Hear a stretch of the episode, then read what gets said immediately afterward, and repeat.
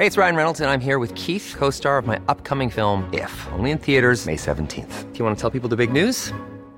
All right, I'll do. Sign up now and you'll get unlimited for $15 a month in six months of Paramount Plus Essential Plan on us. Mintmobile.com slash switch. Upfront payment of $45 equivalent to $15 per month. Unlimited over 40 gigabytes per month. Face lower speeds. Videos at 480p. Active Mint customers by 531.24 get six months of Paramount Plus Essential Plan. Auto renews after six months. Offer ends May 31st, 2024. Separate Paramount Plus registration required. Terms and conditions apply if rated PG. Hey, Dave. Yeah, Randy. Since we founded Bombus, we've always said our socks, underwear, and t shirts are super soft. Any new ideas? Maybe sublimely soft. Or disgustingly cozy? Wait, what? I got it. Bombus. Absurdly comfortable essentials for yourself And for those facing homelessness. because one purchased equals one donated. Wow, did we just write an ad?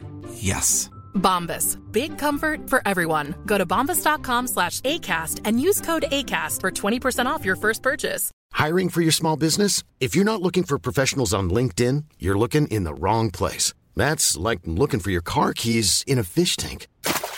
LinkedIn helps you hire professionals you can't find anywhere else, even those who aren't actively searching for a new job but might be open to the perfect role. In a given month, over 70% of LinkedIn users don't even visit other leading job sites. So start looking in the right place. With LinkedIn, you can hire professionals like a professional. Post your free job on linkedin.com/people slash people today.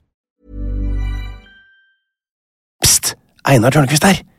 Det du skal få høre på nå, det er en gammel episode av 198 land. Fortsatt en feiende flott episode, for all del, men en som har ligget der ute en stund nå. Og hvis du er gira på flunkende nye hovedepisoder av 198 land, så finner du det eksklusivt hos Podimo. God lytting!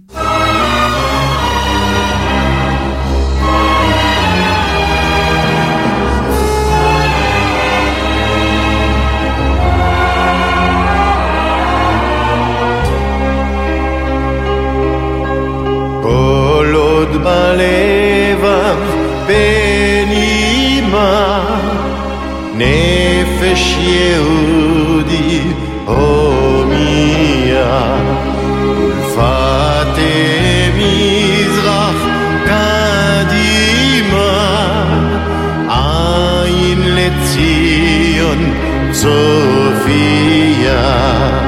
Hjertelig velkommen tilbake til eh, 198 land med meg, Einar Tørnquist, og Hanne Egen Røiselid, som har sittet her eh, helt dønn stille en hel uke. Er klare for å gi dere mer informasjon om Israel. Mer ukontroversiell og ukomplisert eh, informasjon om dette herlige, ukompliserte riket der nede bing, i eh, sørøst. Eh, Seksdagerskrigen, Hanne? Ja! Åssen går det med den, syns du? Den var kjapp. Eh, for det er vel den viktigste krigen. Vi har mange kriger vi må snakke om her. Det er den viktigste. Må vi snakke om alle? Nei, vi må ikke snakke om alle. Vi må ikke vi snakke, vi ikke- ikke snakke om alle, for da kommer vi ikke noe. Jeg vet det, og vi skal snakke litt om, om eh, hva slags mat de har der og sånn også. Ja, Men tenkte sånn- Seksdagerskrigen er bare helt avgjørende. La oss bare Ja, få men kan den. vi Ja, ja da. Men eh, da, da kan jeg få rase gjennom noen kriger litt fort. Ja, ja, ja, herregud, for en spesiell setning. Jeg hører at den er Ja. Ja. Det er sånn dere snakker i Forsvaret, sikkert. Lykke til!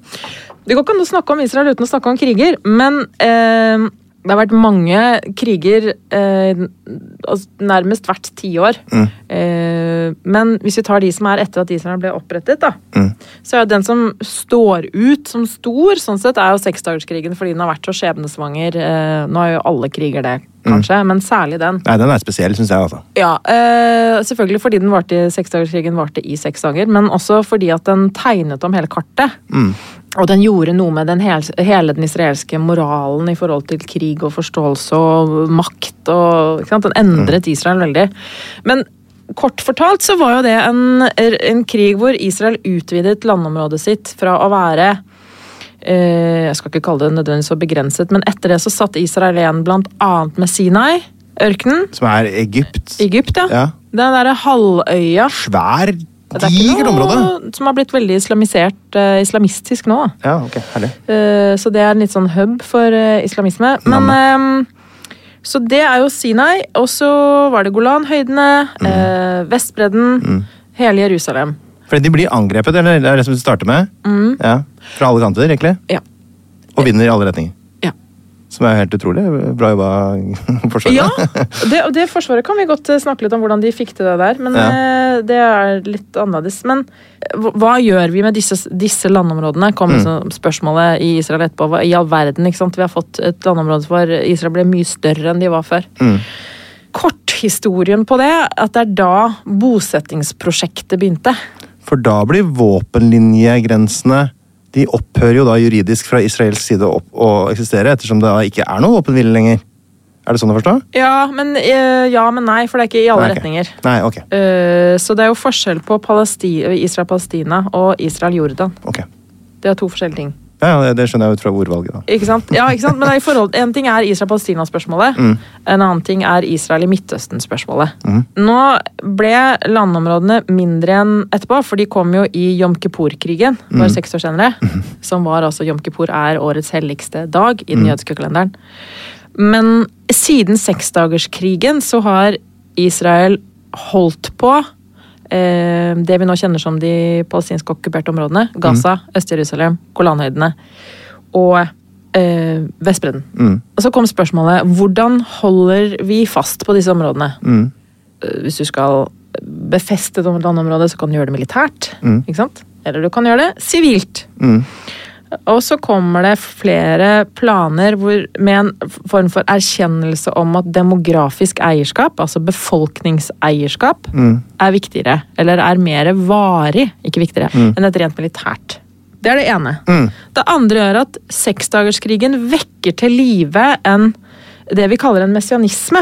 Det er eh, endetiden, frelsen. Ja, Messia, det er der Messias kommer fra? Ja. Og poenget med det Ja. Er da at da får du en del av den jødiske befolkningen som sier Oi, dette her ser ut som frelsen har kommet. Ja, oh ja, okay. Fordi at Israel, hva kjennetegner frelsen innenfor en del av den jødiske teologien? At det jødiske folk også forenes med landet. Ja, ok. Og så er det noen som tolker da seksdagerskrigen som begynnelsen på frelsen. Som gjør at de flytter til de okkuperte områdene og begynner å bosette seg der. Ja.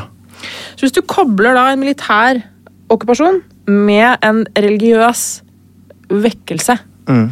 Det er jo det som har blitt det store bosetterprosjektet i Israel.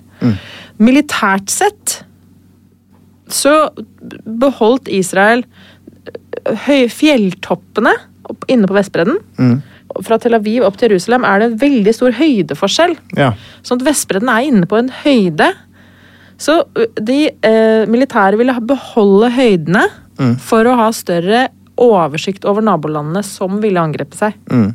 Også koblet til det med, de, eh, med, med det som da har blitt bosetterne. Mm. Det der har kommet og sånn, utviklet seg over tid, og så har det vært flere kriger siden. Men veldig mye av dette dreier seg om hva som skjedde i seksdagers, under seksdagerskrigen i 67. Mm.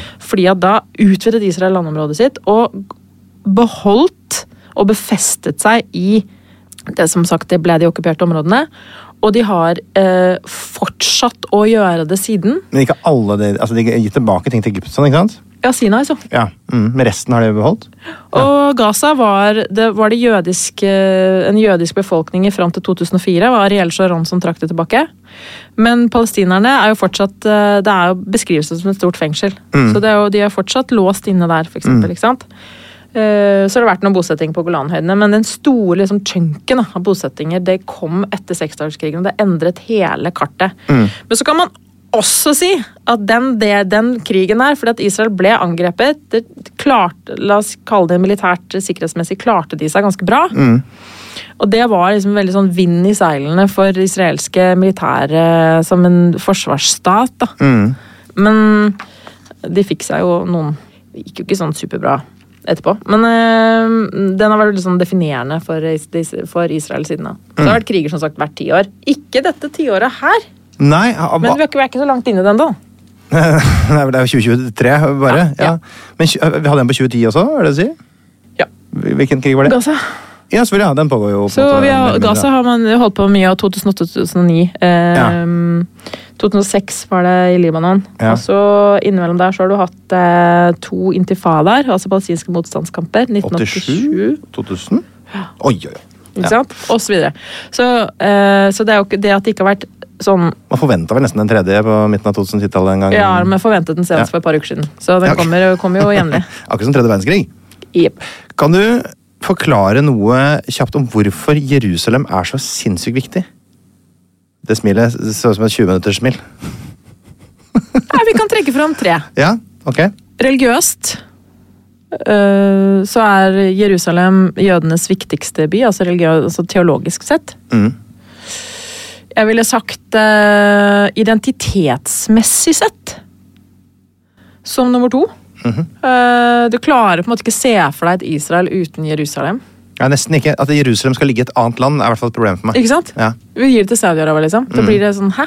Ja, det er veldig pussig for meg. Og så ville jeg kanskje sagt det siste egentlig om kultur også, at det er eh, men Kanskje vi ikke kan skille de to. Eh, I forhold til hva Jerusalem er i vår, hele vår kulturhistorie. Mm. Det er vanskelig å ta det vekk, da.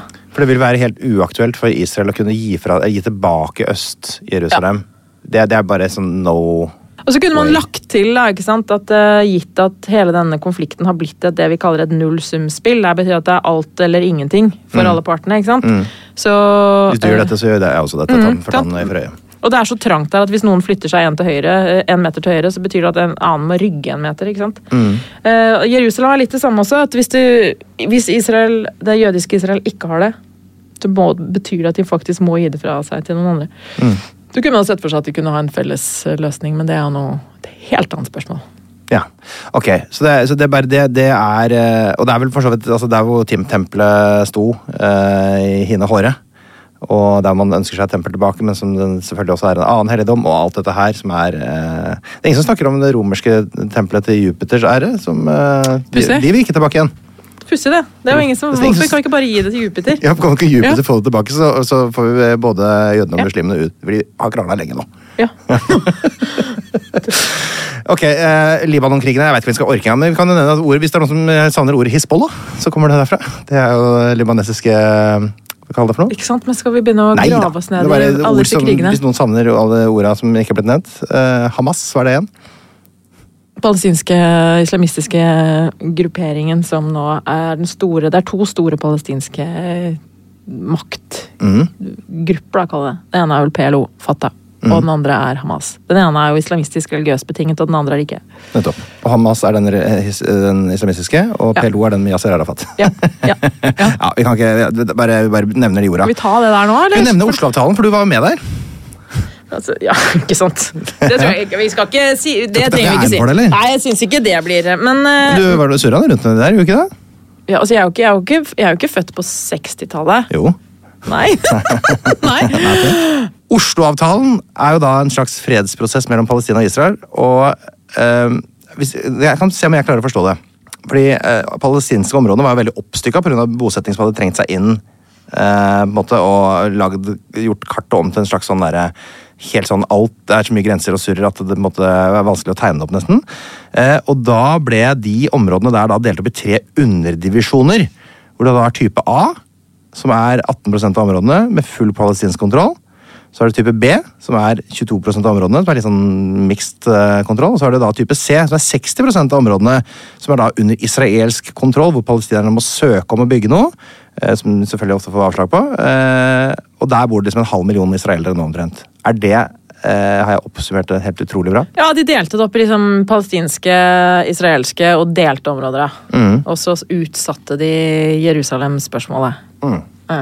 Og Og den her, hva slags status har den avtalen i Israel nå? Trenger ikke flagge sånn kjempehøyt at det tenker De går, de feirer ikke 17. mai der nede nå pga. den. Nei, men altså, den, den får jo mye kritikk, eh, Mm. den avtalen. Og samtidig som jeg Den er veldig interessant. Og så er det jo Jeg ser jo det er jo ikke lenge siden som norske diplomater fortsatt skal krangle om om den var god eller dårlig, men noe Mm. av det den også gjorde, var jo eh, at den eh, eh, trakk Palestina inn i Altså den begynte å snakke om både en stat, og den begynte å ansvarliggjøre palestinsk lederskap, og Mm. trakk palestinerne inn som en egen statsaktør Mm. eh, i forhold til eh, Israel. Så det er mange ting med den avtalen. Jeg eh, det, er, jo Du kommer ikke unna at det der var et sånn vannskille i Israel-Palestina. Nei, nettopp. Det fortsatt en svær greie. Ja, ikke sant? Og hvordan skal vi dele opp disse, disse landene her? ikke sant? Mm. Eh, hvordan skal vi klare å få Palestina til å bli økonomisk uavhengig? Nå har ikke israelerne tillatt eh, Nei. palestinerne det, men dette er en helt De er en- ønsker vel ikke en stor, sterk økonomisk stormakt akkurat der heller, da. Nei. Ikke sant? Og så er det bare muligheten for å ha et forsvar. og Det er mange typer begrensninger, men det er jo ikke sant, hvordan skal du faktisk gå fra det, det er jo ikke sånn at det er Norge som invaderte Sverige. så hadde vi, sånn, Nå i, går så har vi to like stater som nå skal begynne å forhandle. Sant? Det er jo noe med å stable Det er jo sto- store, tunge statsprosesser her. Og Oslo-avtalen institusjonaliserte jo en Du trenger jo en kraftig institusjonalisering for å få, til, få på plass noen stater. Så er mye Oslo-prosessen gjorde. Men dette er jo et litt komplisert, Veldig komplisert, det også. det også. Vet du hva? Nå har jeg, jeg sett, veldig fordi klokka går så innmari fort. Jeg har, Ja. skulle snakka veldig mye om det. og Det er sikkert veldig mye vi bare har feid forbi helt uten å liksom, touche det engang. Men vi kan ikke sitte her en hel sesong. Så nå skal vi snakke litt om åssen det er der nede. כל עוד בלבם בנימה נפש יהודי הומיה Ok, Hanne, du har altså bodd i Israel. Eh, kan ikke du fortelle meg litt om åssen livet i Israel Hva er det som skiller liksom, livet i Norge og Israel fra hverandre? Eh, vi kan begynne med det opplagte. Hva med været, f.eks.? hvor heftig er været? Det er varmt. Det er hvor, Kjempe- hvor kjempevarmt. sinnssykt varmt er det i Israel? Det er varmt, det er veldig fuktig og varmt eh, i Tel Aviv. Altså, Ja, får du den der, liksom, sånn den- 30 grader eh, ish. Jeg får den der svette eh, Ja, er- Øst-Asia-følelsen. Mye god fuktighet. Ja. Ja. Eh, og mens oppe i fjellene i Te- Jerusalem, så er det jo tørt. En annen Fortsatt type varme. Fryktelig, fryktelig varmt fortsatt, men mye tørrere, så er det ikke så Der er det folk har mye mer klær på seg. Sånn. Ja, de har, det. De har mye klær på seg på der. Det er, Ja, er det ikke, religiøse årsaker eh, eller militære årsaker? I Tel Aviv så surrer folk Det er mye sånn komfortabel mote. er det det? Ja, de har hatt sånn Birkenstock-moter og sånn. Ja, det er deilig. sånn. Men altså, eh, jeg kan jo nevne at Tirat Zvi er det stedet som opplevde eh, varmerekorden i 1942. 54 grader i skyggen, ass. Det er mye. Ja, det er mye. så, ikke sant? Men er det altså noe som heter Merom Golan, som, eh, hvis man anerkjenner det området som israelsk, så har de kulderekorden med minus 14,2. Ja. fra Oi, ser du 2015. det? Det er 14 kuldegrader. Den er skuffende hvis du er på Israel-tur. Men du snakka jo om det også, at det, det er eh, det er, pakker om at det er mulig å pakke med seg ski. Ja. Eh, for er det skianlegg der, liksom? Ja, det er faktisk skianlegg. Ja. Det er jo for eh, de spesielt interesserte å ta med seg, pakke med seg ski og Ja. spesialbagasje når de skal til Midtøsten, men det går an, faktisk. Jeg tror du kan leie òg. Ja, ikke sant? For da slipper man å dra på det hele veien. Det er litt styr. Ja, det er det. For det, det, en ting er å ha sånn der bukse som du kan ta av beina på, så den blir shorts når du går av flyet. En annen ting er å komme i slalåmstøvler til Israel. og så er det, det er jo litt snø i Jerusalem. Opplever jo snø innimellom. Ja da, eh, i desember-januar så er det jo ganske kaldt der. Det er superkaldt, faktisk. Det er veldig, er veldig, veldig rart, fordi Du begynte med å si at det er så varmt. Ja, men det er så det, det, ja, Ikke sant? Fordi at eh, det er jo varmt. Ja. Eh, og selv på vinteren så eh, altså, la oss si tilfeldig valgt måned, januar, Ja, ja. så er det jo fort 10-14 grader. Ja. Også i Jerusalem. Mm. Men det er eh, blir jo så innmari altså, Det er bitende, liksom. ja, altså Det som er, er at dette er jo steinmurbygninger mm -hmm. laget for å holde på kulda. Ja, ja. Så det er jo så innmari kaldt inne! Nettopp. Ikke sant? Eh, Jeg har bodd i Hebron, for eksempel. Ja. eh, Og da eh, jeg jobbet jeg i sånn observatørkorps. Jeg er veldig glad i de setningene som begynner med 'jeg har bodd i'. De synes Ja. at Der er du god. Den er god. Ja. ja. Men da fikk vi blant annet boblevest. ja. Den som en del av uniformen. Lyseblå boblevest. Mhm. Brukte den jo hele tida. Brukte den inne og ute. Men de det. Og selv om det var 14 grader ute. Men det er jo så innmari kaldt. Ja. Veldig rart. Men da dro vi til Eilat da, for å dra på Som er da denne mot uh, Akaba-putten Pakka der. ned litt av bikini i lomma. Suste av gårde.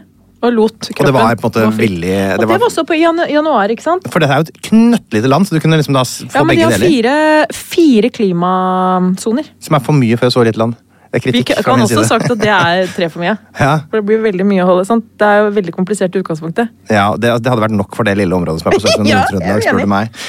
Og folk bor jo da stort sett langs kysten, det er vel mulig å si. Eh, hvilke byer er det sånn som er hvor, hvor er det man drar, da? Hvor er man, hvor er det man får liksom den israelske vibben? Men altså, det er jo dette, ikke sant? Det kommer an på hvilken vibe vil du ha. Ikke sant? Du, jeg har et lyttespørsmål som er veldig bra på Ja. akkurat det. Ja. For det kan, det kan foregripe litt. For der er det Ja. en som spør eh, eh, Morten Berge spør hvor i Israel får man den ekte 'Å, shit, gikk Jesus her'-følelsen? Det er, det er på en måte noe man må ha med seg når man drar til Israel. For å få med seg Jesus. Ja, altså, 'Å, shit, gikk Jesus her'-følelsen. Jesus har, har du hjertet ditt uansett. Hvor er det man drar? Ja, hvor vi drar da? Nei, altså Det er jo, kan man jo si, tilfeldig valgt. eh, Det åpenbare ville jo vært selvfølgelig Jerusalem. Å ja, nettopp. Bare sånn fordi at eh, da kan du jo rusle ned Getsemane hage. Ikke sant, Det er kulturferien. Ja, ikke sant? Og så kan du putle opp Via Dolorosa og alt dette her. Og Donald det er ikke bare Donald-tenneren. Det er Don Rosa, det. Eh, Det er, det er der hvor Golgata og sånn Golgata, Via Dolorosa er det samme. Ja, for at Eh, mange tenker at Golgata er ei gate. Ja, det er det jo. Ja, er det det? Ja, ja. Ja, For at det er, heter det Gol, altså gata, liksom? Ja, ja. Nettopp, for det, Den fins, og det er der vi på en måte vet at Jesus gikk opp og gråt med kors. Ja. Jeg delte, eh, og det er veldig morsomt det, jeg delte leilighet med en palestinsk jente og faktisk en venninne av meg fra Bryne. Da kunne vi sånn sitte på toppen på balkongen og så kikke ned, og så rusler jo folk opp eh, Golgata der, ikke sant? Ja.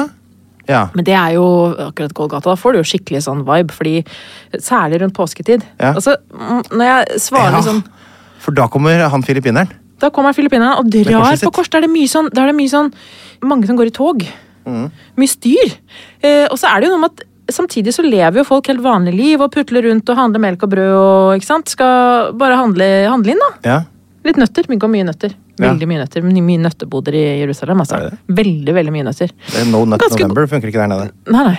Nei. Nei, og det, det er veldig dumt med nøtteallergi, tror Ja, jeg. det. Eh, men, så, men det er jo Ja, ja, ja, er det og, Men da, eh, rundt påsketider, så kommer folk i sånn, det som jo heter prosesjon. Ja. Og da rusler det jo Getsemane hage ikke sant? inn, men da skal jo de som er de Øh, mest en hage bare ligger rett utenfor. Unnskyld. Det er en liten park.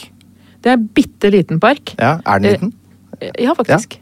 Jeg vil tippe den er 30 ganger 40 meter, kanskje. Det er verdens minste park. Ja, bitte, bitte, bitte liten. Herregud, det fins rom som er større enn den parken. Ja. Ja.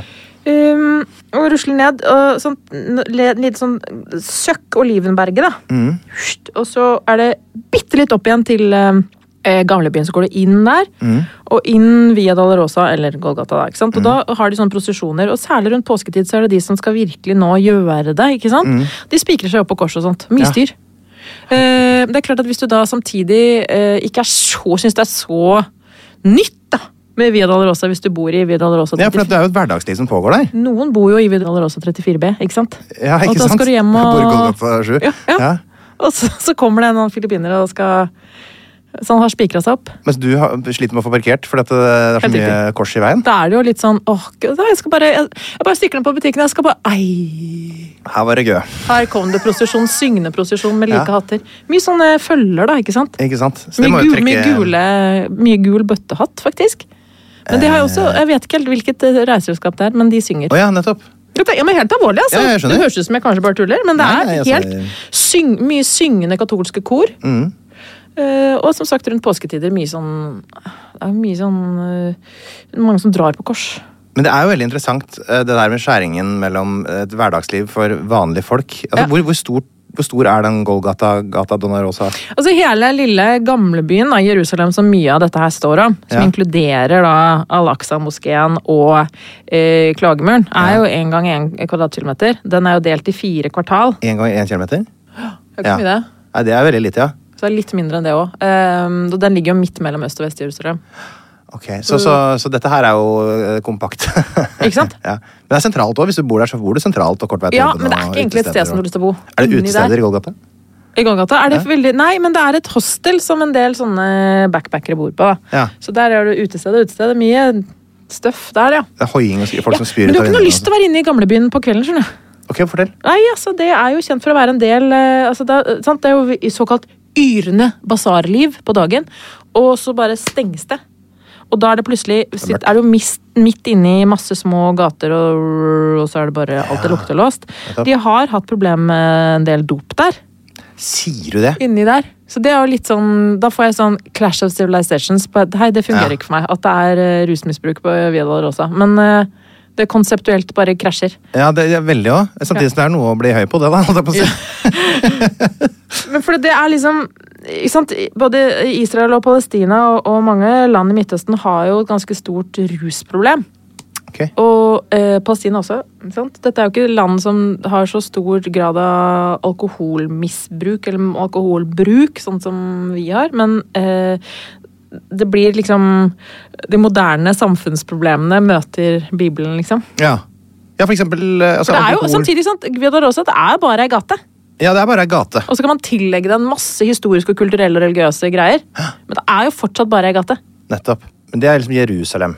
Og der kan man eh, oppleve på en måte historisk eh, signifikante ting hvis man på en måte bruker Jerusalem-syndromet er jo en egen psykiatrisk diagnose. Sier du det? Akkurat som Paris-syndromet? Hva er det som skjer med Jerusalem-syndromet? Eh, det er en egen psykiatrisk diagnose for folk som reiser til Jerusalem og blir grepet av denne helligheten. Så Ja. tror de at de er Jesus, for eksempel.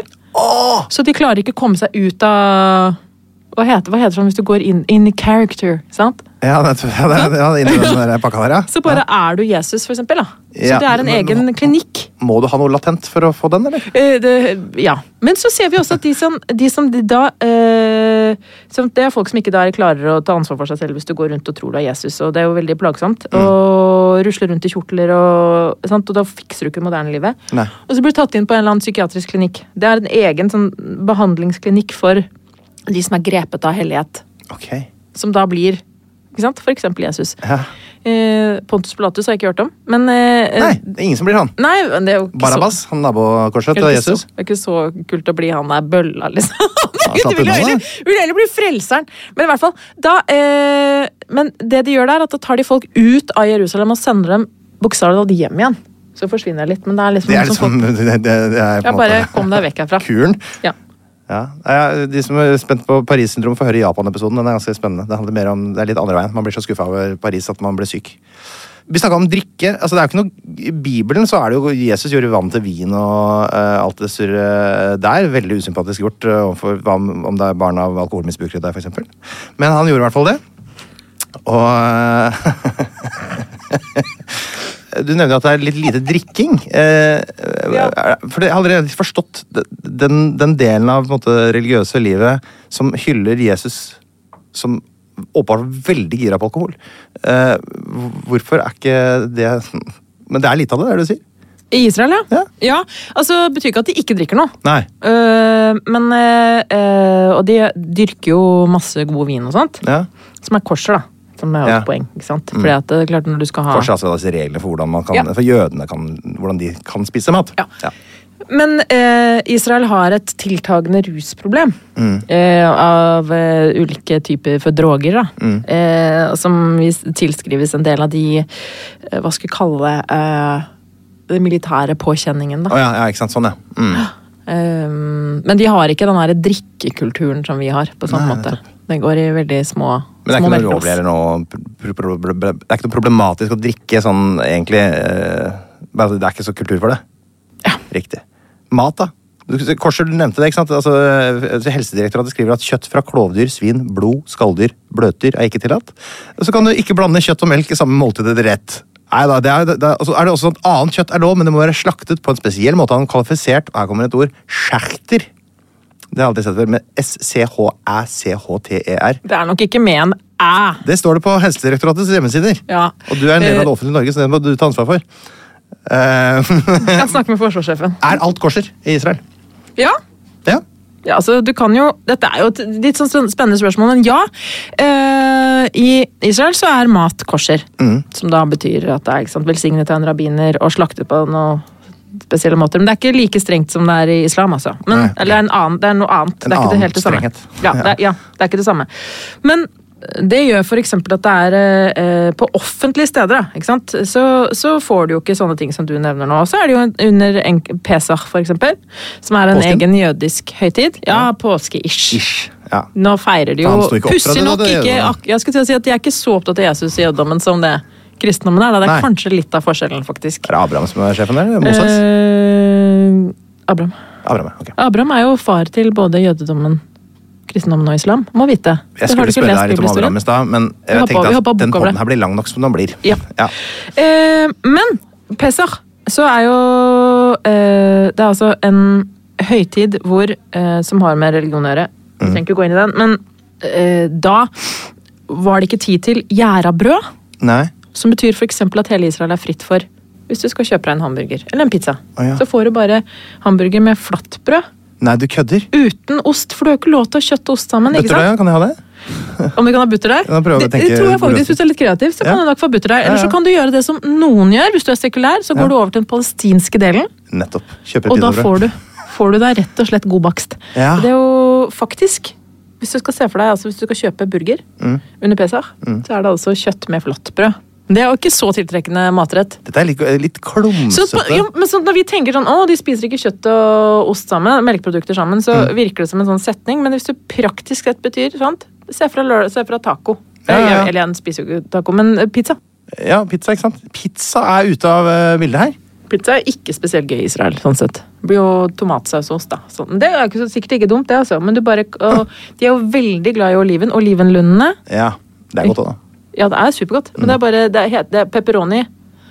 Svinekjøtt Mm. med mozzarella på, det er jo konseptuelt helt ute. Ikke sant, så det er så langt unna det, Det kommer. ikke. Det bogger ikke.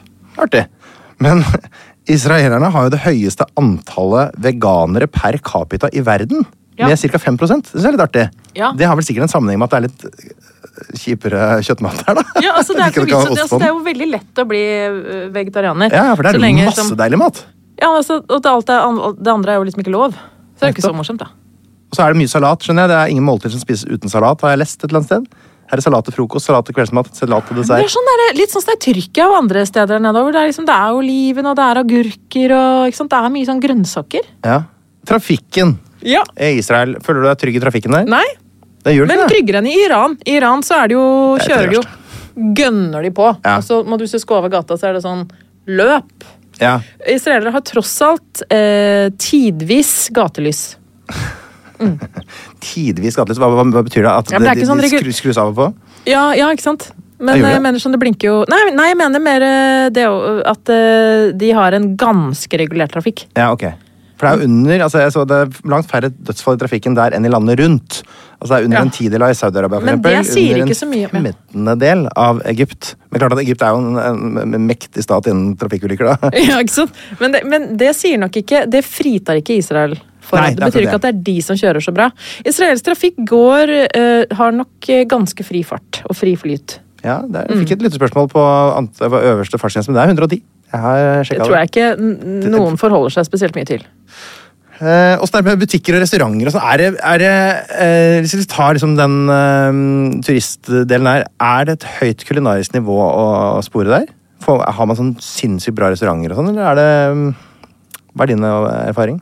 Ja, altså jeg, jeg syns jo Midtøsten-mat er veldig godt, men det er klart nå, nå får vi jo si at det, noen mener at israelsk mat egentlig er palestinsk mat, som egentlig er arabisk mat, som egentlig er noe annet mat. Men så eh, Du kan jo kjøpe sånn Vet du, du skal kjøpe postkort. Nå driver vi jo ikke med det lenger, siden vi sender tekstmelding. Men så tenker du postkort herfra, det skal jeg ha. Så er det bilde eh, av en sånn eh, pitabrød med falafel oppi. Ja.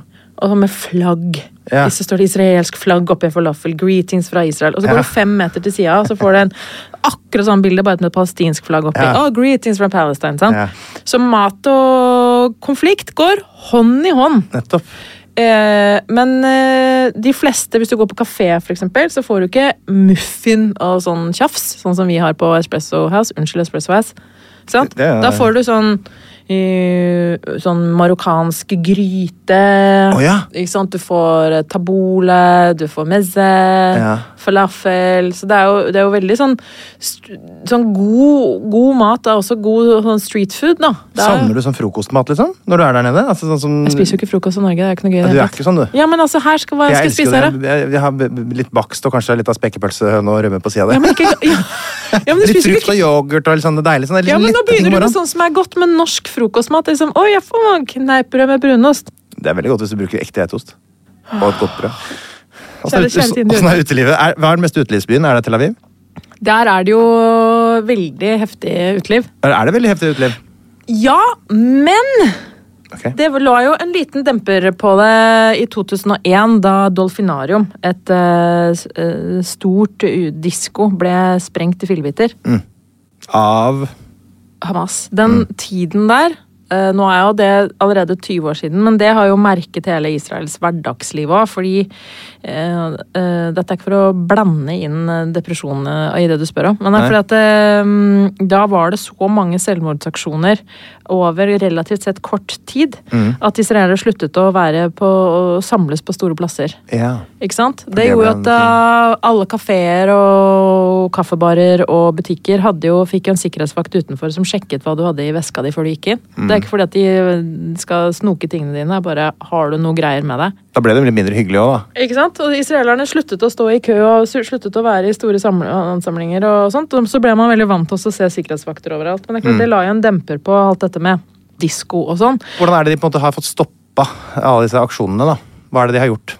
Det har blitt et veldig militarisert samfunn. Mm. Eh, Det ene er selvfølgelig at eh, etterretningen Noe av dette dreier seg om etterretning. Mm. Og så har det med Iron Dome å gjøre i forhold til eh, eh, å skyte ned som, mm, eh, ta, raketter da, som kommer fra Gaza. Ja. Så kan man si at Et tredje punkt er at israelerne har blitt veldig vant til å ha sikkerhetsvakter. eh, og mange, veldig mange steder. En stor industri, rett og slett? Da. Kjempe, kjempe, kjempeindustri. Ja. Men det siste er jo også, og det som kanskje er mest betent, da, er jo at eh, Israel har jo svart på alt dette med å Nei, gjør det veldig mye vanskeligere for eh, palestinere å bevege seg.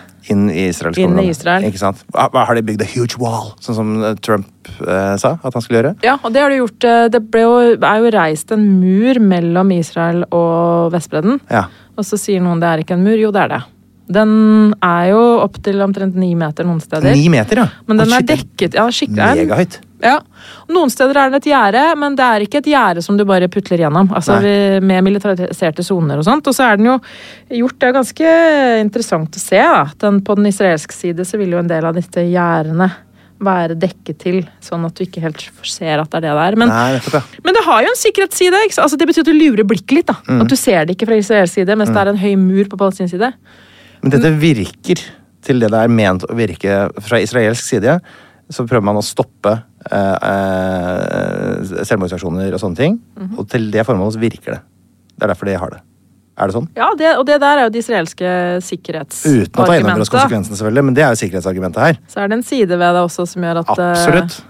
Men på det eh, er ja- vanskelig å snakke om nei-spørsmålet det. Det er Ja, det er vanskelig å snakke om det. Men, Men det er man må forstå sikkerhet- hvorfor det er der. Det, det er der av den grunnen. Sikkerhet er jo veldig kynisk, på en måte. da. Men når du skal gjøre sikkerhetsvurderinger, så er jo de ofte ikke basert på sympati, men veldig sånn De er veldig harde, da. ikke sant? Hvordan jeg vil jeg, Hvis jeg skal være trygg, så betyr det at jeg skal bare mure meg inne. Har jo vært den Eller mure alle andre ute. eller, ikke sant? Og Så kan vi jo si at Kritikken mot dette her er jo selvfølgelig at den, den måten å gjøre det på har jo bidratt til å hardne Altså Det er enda hardere fronter mellom Israel og Palestina enn det har vært før.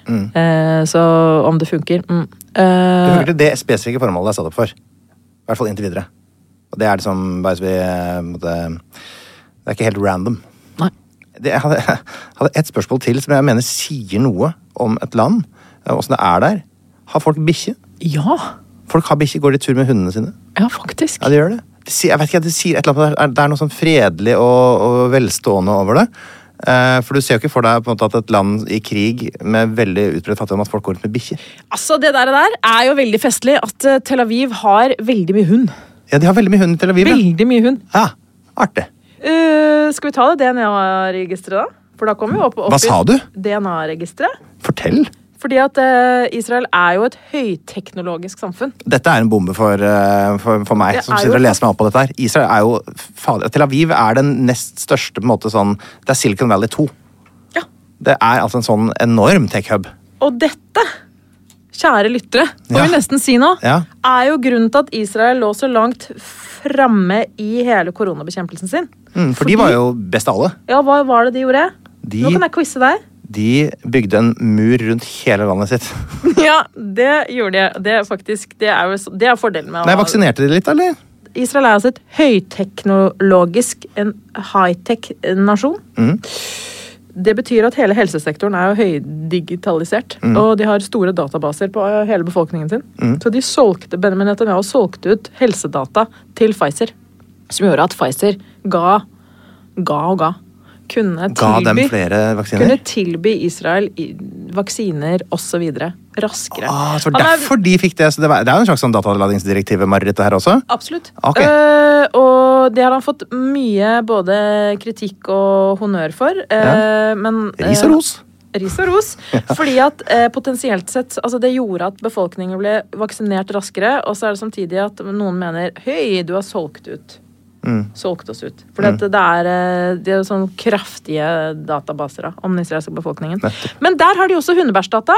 Det syns jeg var litt festlig. For at hvis du mister hunden din HBD, altså? Uh, hun, ja, ikke sant? Mm. Uh, de uh, ville ikke at israelerne Det er så mye løshunder. Okay. Det vil ikke han ha.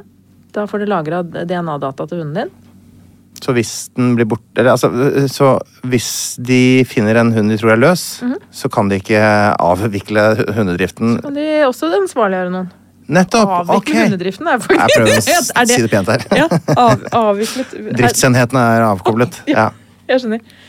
Men det er jo Det brukes jo til mye rart, da. Den derre høy, høytek-greiene. Skjønner. Men de har hund. Du, Skal vi gå over til å snakke litt om folka der og hvor alternativet er? Kan vi ta litt, litt Vi kan ta en spalten runde. Folka? כל עוד בלבם בנימה נפש יהודי הומייה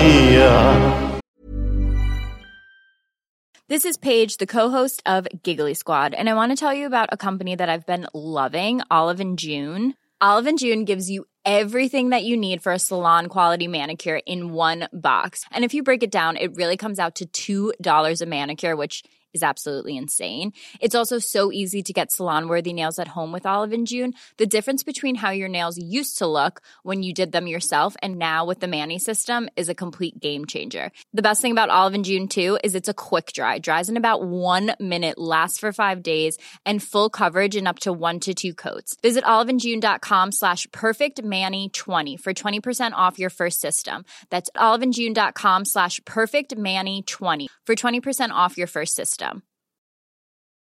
Hey, it's Ryan Reynolds, and I'm here with Keith, co star of my upcoming film, If, only in theaters, May 17th. Do you want to tell people the big news?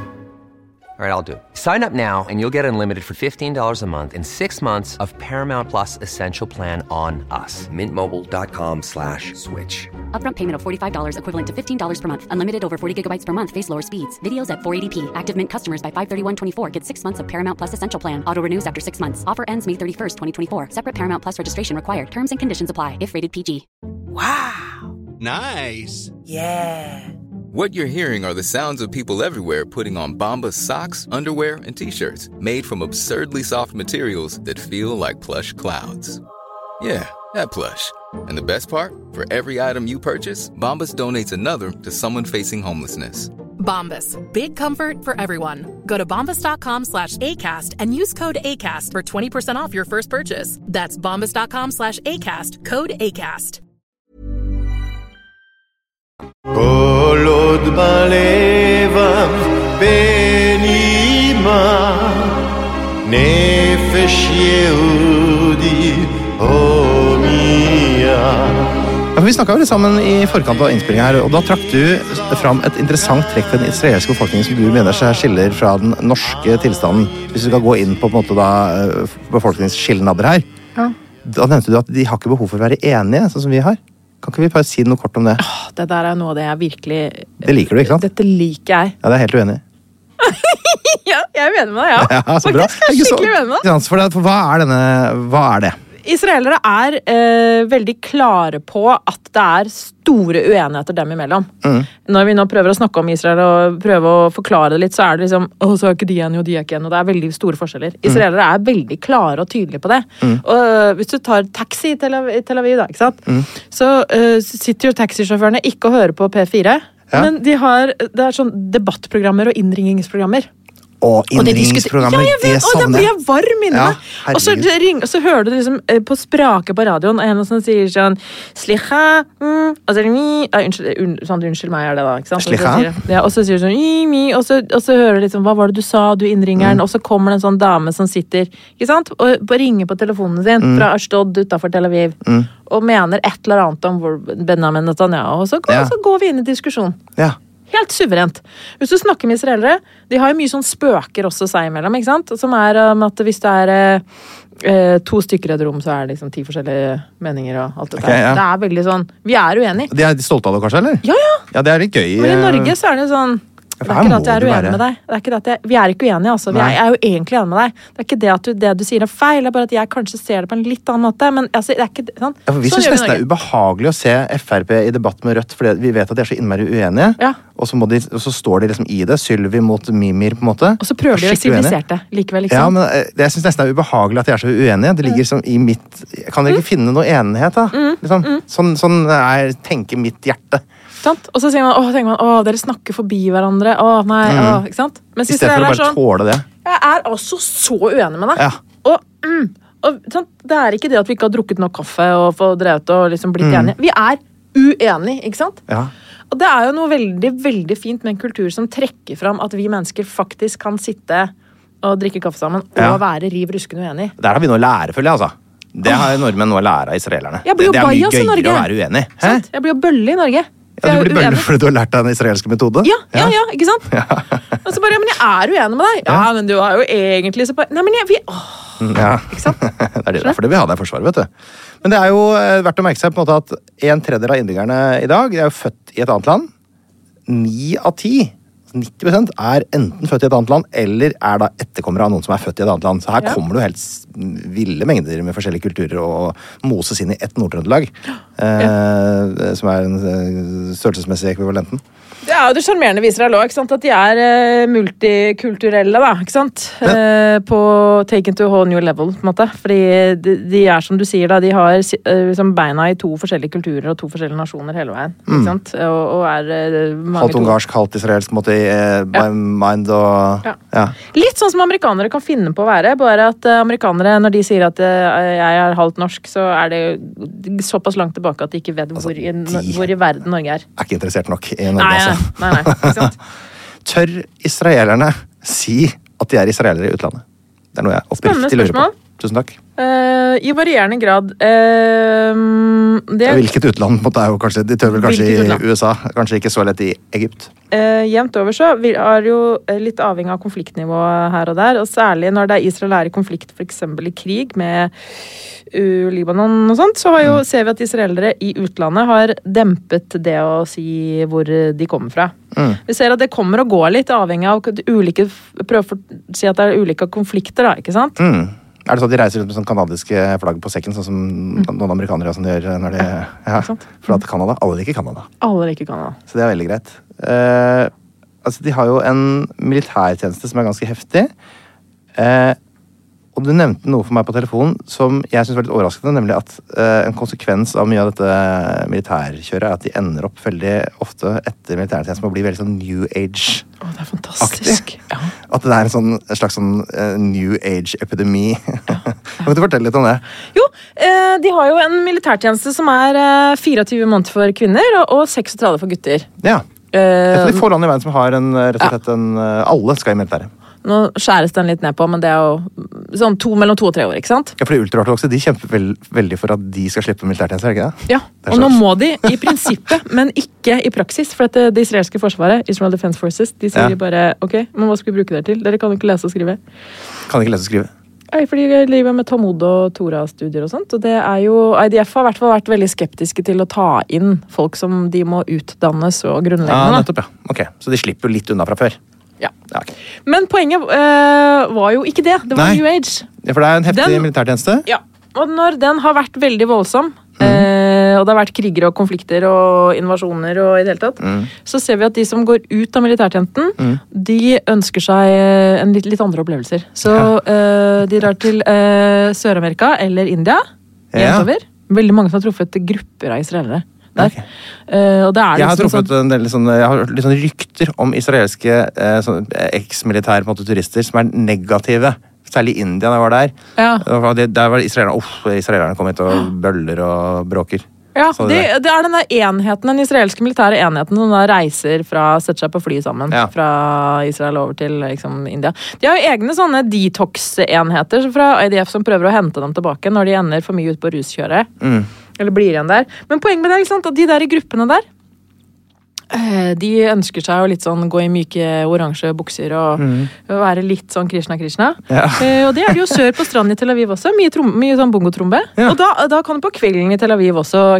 Kan du være med på å spille tromme og ta på deg noen hvite flagrende gevanter og danse litt. Når sånn, du vet når du liksom bare står og føler, føler musikken. Ja, jeg står veldig, ofte veldig stivrygga og, og føler veldig lite. Litt sånn grinende mine på sånne ting. Hva jobber du med nede i Israel, da? Litt smooteste overgang jeg har hatt noen gang. Hva de jobber med? Ja, for tech er jo svært. Så leste jeg at diamantpoleringsindustrien står for en sånn 25% av eksport og sånn. Merkelig industri. Ja. Eh, Ne- Netanyahu er det jo Netanyahu, hører du. Netanya, mener jeg. Så er det jo en ganske utviklet, eh, velutviklet diamantindustri. Ja. Eh, men også er det jo ikke overraskende turist. Turist, selvfølgelig, ja. For det er jo, men er det, det, det er veldig mye religiøs turisme, regner jeg med. Ja. Eh, og, eh, så det er ganske svært, selvfølgelig. Ja, selvfølgelig. Og så er jo sant, og high-tech. Eh, Så det er, en, det er en Jeg skulle ønske jeg kunne svare enkelt på ett av spørsmålene dine. Nei, det kan du ikke på noen, så derfor bare, vi får bare surre oss gjennom dette her. Jeg lurer på eh, litt om dette med demokrati. Fordi eh, på eh, eh, demokratiindeksen i verden så er Norge på førsteplass. og Derfor er det så gøy å snakke om alle de andre landene. Norge på, har 9,81 på denne skalaen fra 0 til, eh, til 10. Eh, New Zealand på andreplass med 9,61, langt bak oss. så jeg sagt. Vi er helt konge. Og det er bare 24 land som regnes som fungerende demokratier. Altså score over 8. Eh, Israel er rett under her, på 7,93. En 29.-plass. Plassen foran USA på 30. Eh, som da er da sånn ufullstendig demokrati med. For det er jo ganske høyt fungerende sånn sett. Kan vi ta de andre, altså Vi går under 6. Så kommer vi ned på det som kalles for hybridregime. Da har du sånn Ukraina på 87.-plass. Du har Tyrkia helt nede på 4,32. Det begynner å bli lavt. Så under der har du det er fire nivåer av autoritære styrer. Eh, Du har på en måte Palestina. Autoritært. 3,86. eh, Førstegrads autoritært. Og så har du andregrads autoritært. Egypt 2,93. Russland 2,28. Det blir veldig lavt. Milevis unna folkestyret. Tredjegradsautoritært har du sånn Kina 1,94. Syria 1,43. Nord-Korea 1,08. Og det er et nivå under det også. Fjerdegradsautoritært, hvor du har to land. Eh, Myanmar 0,78 og Afghanistan 0,32 de to minst demokratiske landene i verden. Så bare sett i lys av disse her mer eller mindre fortapte statene her, da, så er jo Israel et demokratisk himmelrike, liksom. Ja. Men er demokratiet i har Jeg Israel statistiker, og han kan jo fortelle oss alle statistikk. Eh, Det kan du leke med. Det kan man leke med, selvfølgelig. Ja, Eh, Og drive med virkelighetsforvrengninga. ja. Mener du at disse som står bak demokratiindeksen, driver med det? Eller mener broren din Bare- jo det? Jeg bare sa det jeg har lært av broren min. Ja, og det har han helt sikkert rett i. Men er, vil du si at demokratiet i Israel, sånn som det er, uansett hvor godt eller dårlig det er, at det er truet? Ja! Ja. Ok. Det er eh, to grunner til det. Ok. Det ene er jo bare at Som har å gjøre med befolkningsvekst. Mm. At de som får flest barn, Ja. er jo de ultraortodokse. Ja. Som får Nå kan jeg ikke helt tallene lenger, men de får så vidt jeg vet omtrent syv barn per par. Det er meget. Mens de sekulære får underkant av to. Ja. Sånn at de blir færre, og så blir ultraortodokse flere. Mm. Saken er at De ultraortodokse de anerkjenner jo ikke, eller, og deltar ikke noe særlig grad i samfunnet, ei heller stemmevalg. Nei. Så sånn sett, Hvis vi skal se på det den veien, Mhm. så har jo Israel eh, er jo de neste 20 årene ganske interessante. Ja, Det er litt illevarslende faktisk for den jødiske eh, Ja. Sekulære, i hvert fall, delen av um... Ja, og det, det er jo de jødiske sekulære israelerne, da, som Mm. er de liksom Holdt på å si er, Som er som, det, som oss, i den forstand som vi tenker som vanlig demokrati. Ja, ja. Folk som er som oss Ja. i Norge. Uh, så er det den andre grunnen til at er, jeg sier ja til at det er truet, er jo fordi at det demokratiske systemet er det, mister folk tro til, tro Mm, på. mm. Uh, Benjamin Netanyahu er, har jo mange kor- korrupsjon, en grov korrupsjonsanklage mot seg. Han er i Mm. ferd med å bli litt sånn som Trump. Mm. Så lenge han holder seg som toppsjef, så klarer han å kjøpe seg ut av fengsel. Ja. Som jo er helt vilt, ikke sant? Mm. Som gjør at israelere i mindre og mindre grad altså, tror på politikken. Da. Tror Nettopp. på Knesset. De opplever det politiske systemet som korrupt. Knesset er, er Stortinget. ja, ja, unnskyld. Vet du hva? Eh, jeg har en spalte som alltid er med, som er den gøyeste av dem alle. Den heter Jøss. Vil du være ja. med? Vil du være med? Jeg vil være med på Jøss. Yes. Oh, wow.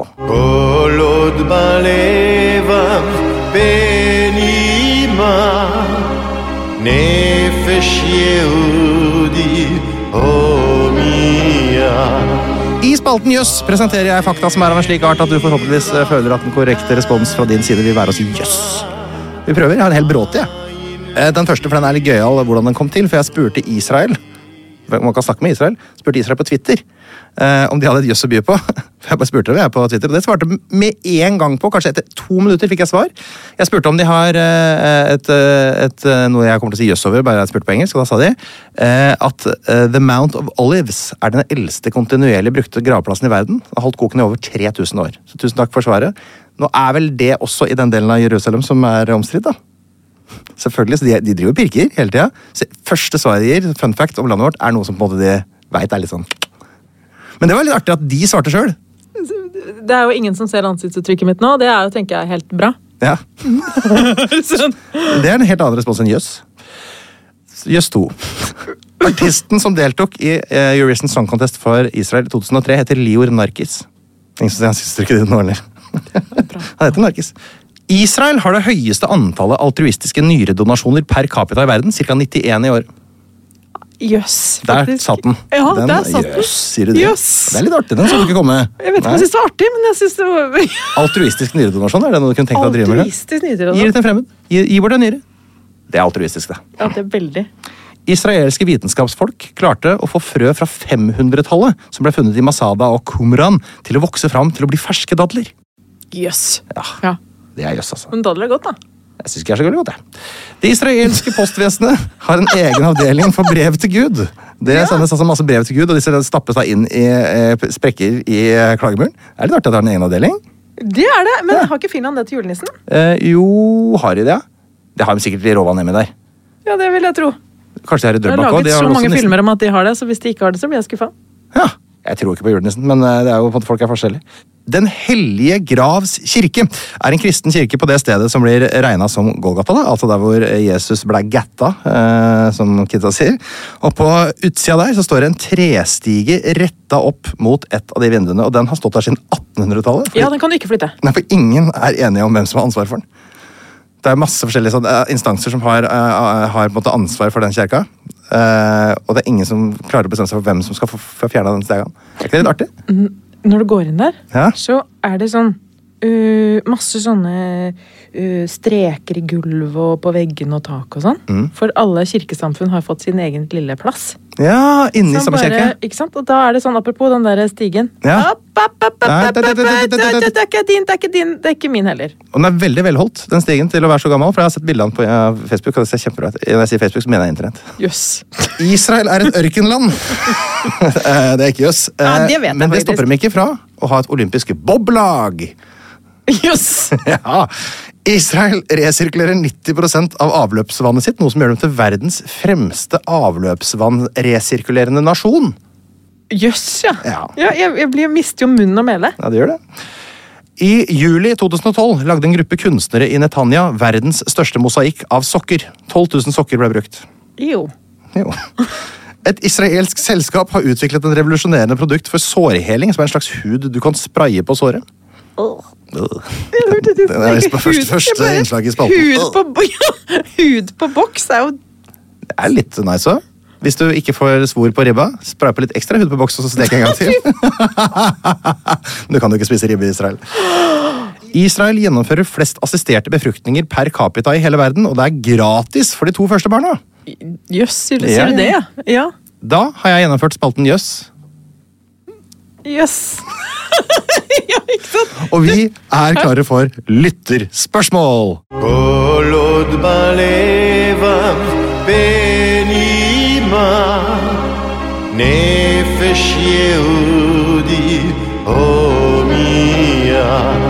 Bjørn Ravnås eh, lurer som vanlig på i spalten Lytterspørsmål. Dem forteller de svenske vitser om. Jeg lurer på om han har lagt en sånn autogreie, sånn at det alltid kommer når jeg stiller spørsmål. For det kommer alltid først av alle lytterspørsmålene også. Det tar bare noen få sekunder hver gang. Hei, Bjørn. De har ikke svenskevitser.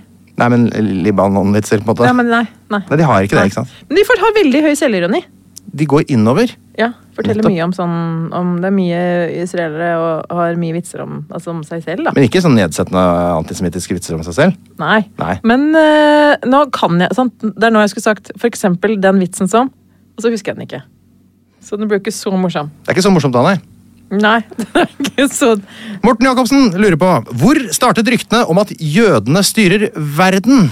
Og Der har jeg gjort litt research. hvis du vil ha Ja, den vil ikke jeg svare på. Nei, for er- De fleste er enige at det starter med noe som heter Sions vises protokoller. Som er altså en russiskprodusert bok som utgir seg for å være ja, den hemmelige eh, protokollen fra den første sionistkonferansen i Basel i 1897, som vi har nevnt litt tidligere her. Og her, i denne liksom, forfalskningen, så, så uh, kommer det fram at verdensherredømmen både er målet med sionismen.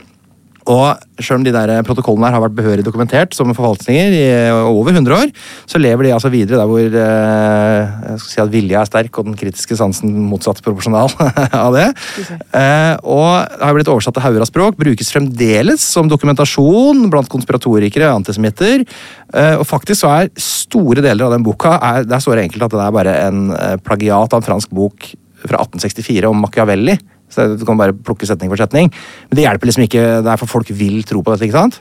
Eh, og I tillegg så må man huske da at den tida hvor Sions vise protokoller ble produsert, så var jo da den jødiske befolkningen minoriteter over hele verden. Eh, de jobba hardt for å sikre egen økonomi. Eh, det ble brukt mot dem. ikke sant? Snudd til at de er grådige og at det er et sånn iboende personlighetstrekk på gruppenivå for alle jøder. at de er så griske og grådige.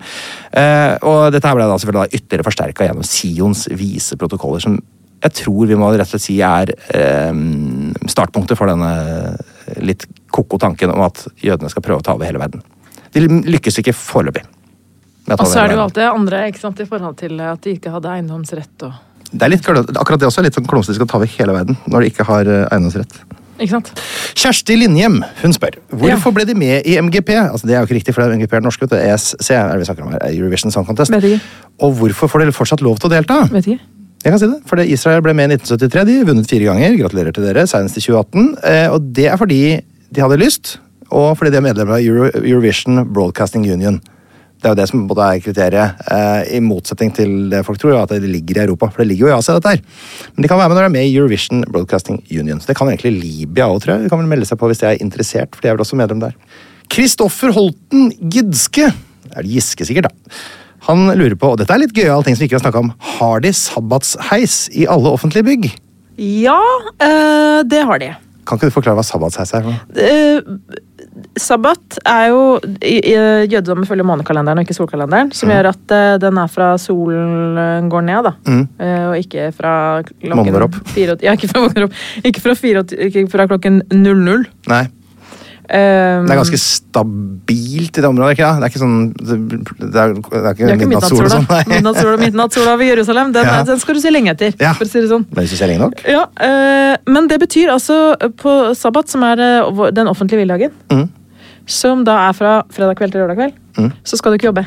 Nei. Men syvende dag så skulle man jo ikke, hvile, ikke arbeide og bare hvile.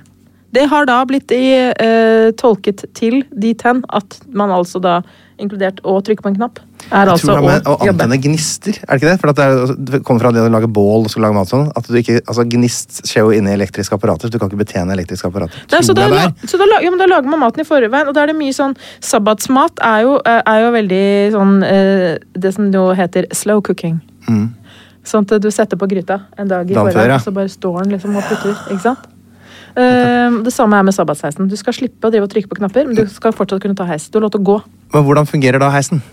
Den stopper på alle etasjer. Den bare går automatisk. Mellom, så Du må bare gå, stå og vente på den, så kommer den, og så må du bli med den rundt. Det er litt artig, da. Kanskje ikke bli med rundt, for den går jo ikke, den går jo ikke rundt! Nei, men hvis du kjeder, hvis det Det er, er veldig, eh, La oss si at du står i fjerde etasje i eh, og vil ned til første, men den er den heisen på vei opp, og så lukter det fis i fjerde etasje. Da går du inn i heisen og blir med opp og så ned igjen.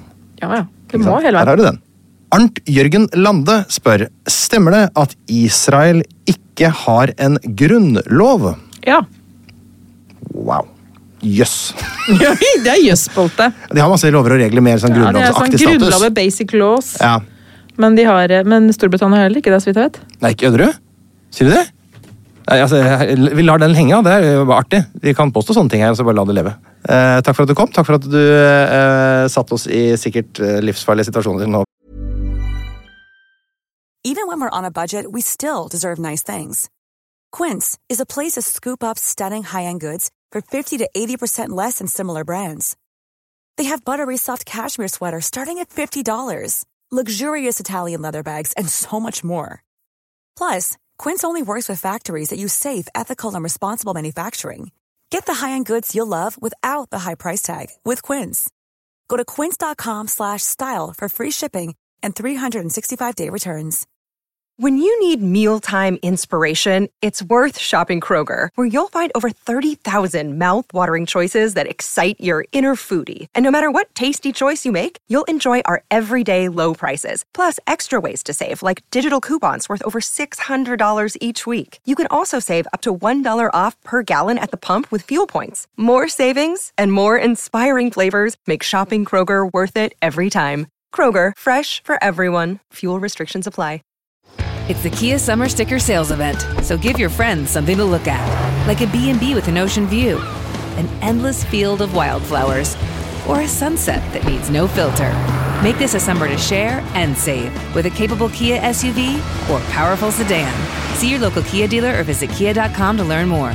Kia, movement that inspires. Call 800 334 Kia for details. Always drive safely. Sale applies to purchase of specially tagged 2024 vehicles only. Quantities are limited. Must take delivery by 7824. Begge to. Ja, jeg lurer på hva som kommer. Spennende. Kjære, kjære Einar, nå er, altså, nå er vi ute på ei tynn linje begge to. En tynn, grønn linje. ja, ikke sant? Der ser du. Mhm. Vi runder av. Takk for i dag. Og så til alle dere som er veldig sinna nå, husk at det kommer en Palestina-episode. Takk for oss. Plan B. Pst, det er meg, Einar Tørnquist her. Han fra 198 land. Nå har jeg lagd en 198 land-app, hvor du kan eh, surre rundt på forskjellige kart og lære masse om forskjellige land, og du kan ordne og fikse, men det er også en hel haug med quizer, hvor du kan teste deg sjøl mot resten av Norges befolkning. Du kommer inn på topplister, sånn kan du se hvordan du gjør det i geografiquiz, pluss at det kommer en daglig utfordring. Dagens utfordring kan du teste deg sjøl. Vet du hva, det er en utrolig bra geografi-app. Relativt uh, eh, pakke. Prøv en sånn sju dagers gratis greie. Hvis du liker den, så kan du betale litt under ei krone om dagen, så har du den for life.